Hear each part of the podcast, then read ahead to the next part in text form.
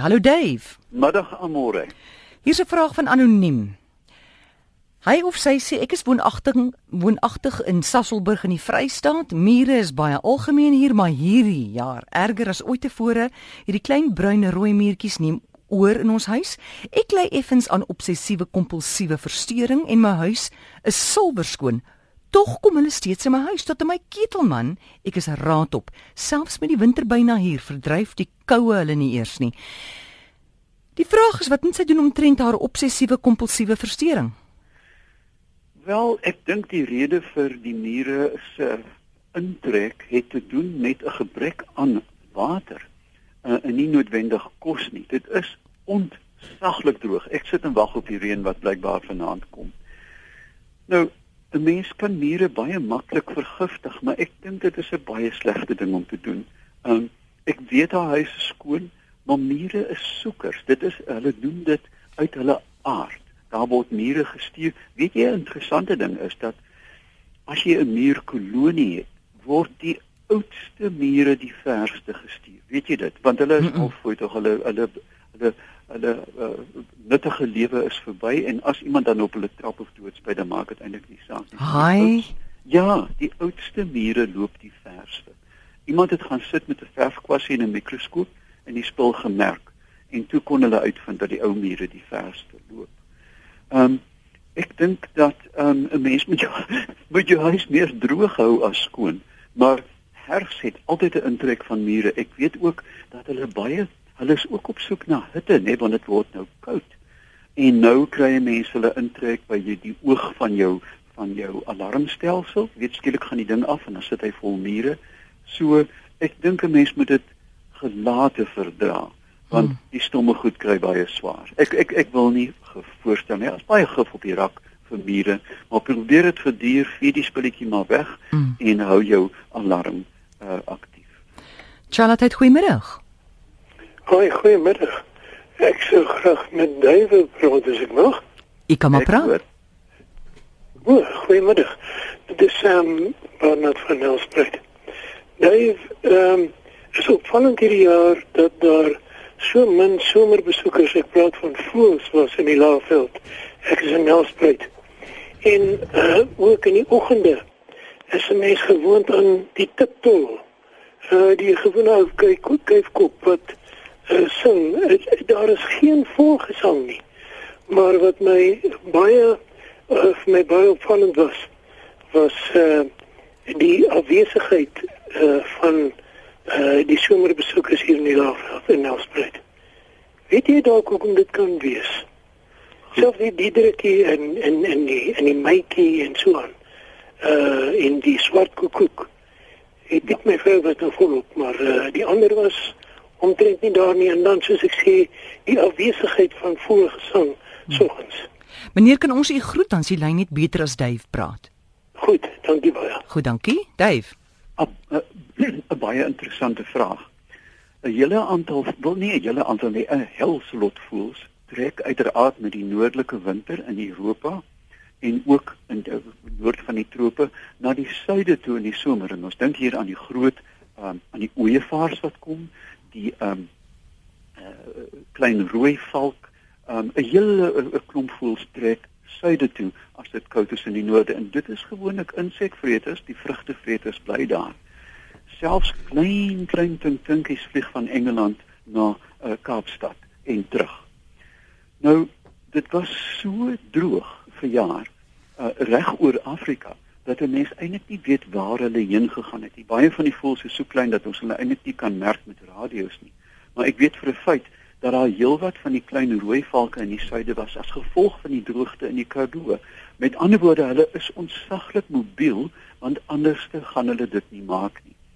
Hierdie voëls, ehm um, voor hulle terugvlieg, moet 30% aan liggaamsgewig ophou om die vlug te kan deurmaak.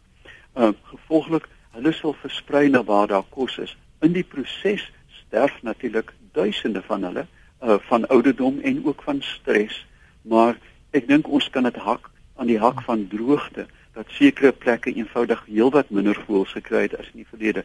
Sou dit 'n goeie reënjaar wees en sou ons damme vol wees en ons veld gesond, dink ek sal 'n normale verspreiding weer volgende jaar voorkom. Martin Slabber wil weet, hoekom maak beet jou urine rooi maar rooi wyn nie, alhoewel albei die wit tafeldoek vlek? Ooh, ehm um, ek sou eksperimente moet doen nou 'n bietjie. Ehm um, kyk, daar is ek ek ek is nie 'n fisioloog nie. Ons weet vir 'n feit dat ehm um, dat aspersie, as jy aspersie eet binne 20 minute word die geur van aspersie in die urine opgetel. Ons weet dit almal, jy weet dit gebeur mm. blitsvinnig. Maar met kleurstowwe weet ek nie.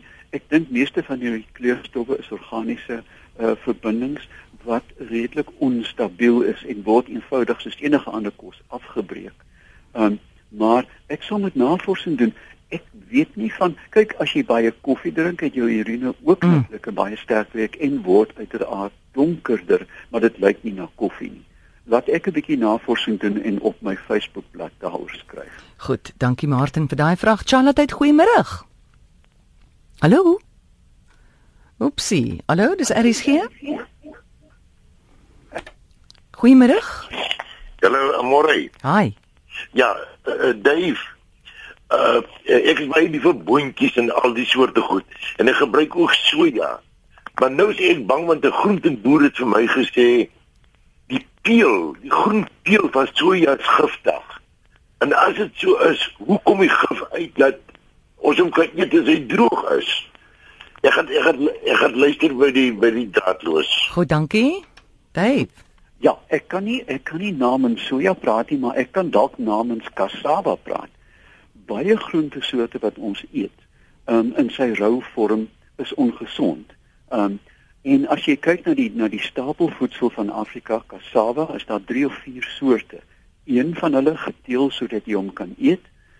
Ehm, 'n um, ander een wat eers in die son moet droog dat droog sodat hierdie giftige stowwe gewoonlik alkaloïde kan afbreek en dan die lekkerste ene moet jy letterlik kook, was, uh fyn maak en dan in lopende water was voor jy dit kan eet. Wat is cassava? Cassava. Wat is dit? Cassava is 'n knolplant. Uh, ek vind dit een van die mees onplesierige goed op aarde. Ek het 'n vermoede dat cassava ontwikkel is deur vrouens sodat mans ook kan voel hoe dit is om swanger te wees. Die goed groei in jou maag. Jy weet jy voel vir 'n hele dag asof jy waterlemoen ingesluk het. Um, en dit smaak eenvoudig na jy weet daai uh, pap wat jy muurpapier mee aanplak. Dit smaak byna so. Ja. Ek ek vind dit 'n afstootlike dis, maar almal in Afrika is baie lief daarvoor. Maar 'n mens moet ek sou ook 'n bietjie moet dink en op my Facebook reageer, maar werklik baie plante moet jy eers was of kook of droog om hulle eetbaar te maak. Die interessante vraag natuurlik is, hoe het die mens dit uitgevind? Hoeveel mense het omgekap voor hulle uitgevind het dat jy dit so moes behandel? Uh voorbeelde van die giftige visse in Japan wat jy wat sushi van gemaak word, maar as jy die galblaas raak sny, dan uh, sterf jy langs die sushi mes. Mm. So dit is 'n wonderwerk dat ons by hierdie resepte uitgekom het. Ja, so wat sal mense nou doen, hè? Om te weet of 'n ding nou goed is vir hulle of nie. Uh, uh, uh, voer dit vir 'n vyand? Uh, dankie, ons het die antwoord toe, maar dankie Charlotte, hallo. Hallo, hallo. Ek kom maar praat. Maar ek my naam naamloos. Ja. En ek dink Pepper 'n vraag vra. Ja. Ek kom van weet waar kom kuifkop hoenders vandaan? Ek is 'n man van die 90 hoor. Wat wat wil u weet? Waar kom waar kom 'n kuifkop hoender vandaan? 'n Kuifkop hoender. Kuifkop hoender vandaan. Hierdie kapok is in die ou tyd van 80 jaar gelede. Waar kom 'n kuifkop hoender vandaan? OK. En ek ja. jou ou storie gaan ek jou vertel. Nee, ou skat, wag ons hoor wat sê Dave. Dave? wil jy nog iets weet of kan ek maar die man groet? Nee nee nee, ek ek ek Nee, want ek wil hom dit sê. O, goed. Kyk, kyk toe ek 'n jong ouetjie was praat ek van amper 80 jaar gelede het ons 'n paar kuifkop hoenders gehad dit was 'n baie skaar ding geweest. Dan sê my ma jy moet nie hoenders slag 'n kuifkop nie was min.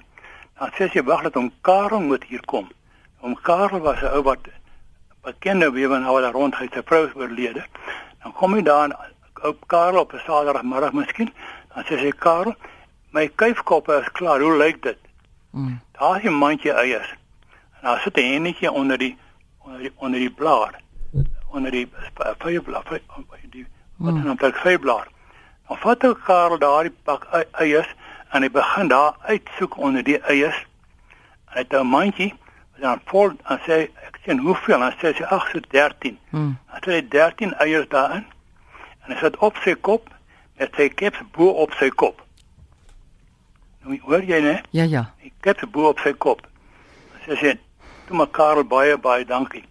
En dan kom daar kyk ons uit, ons gewoonlik 4 5 kuierkoppe by.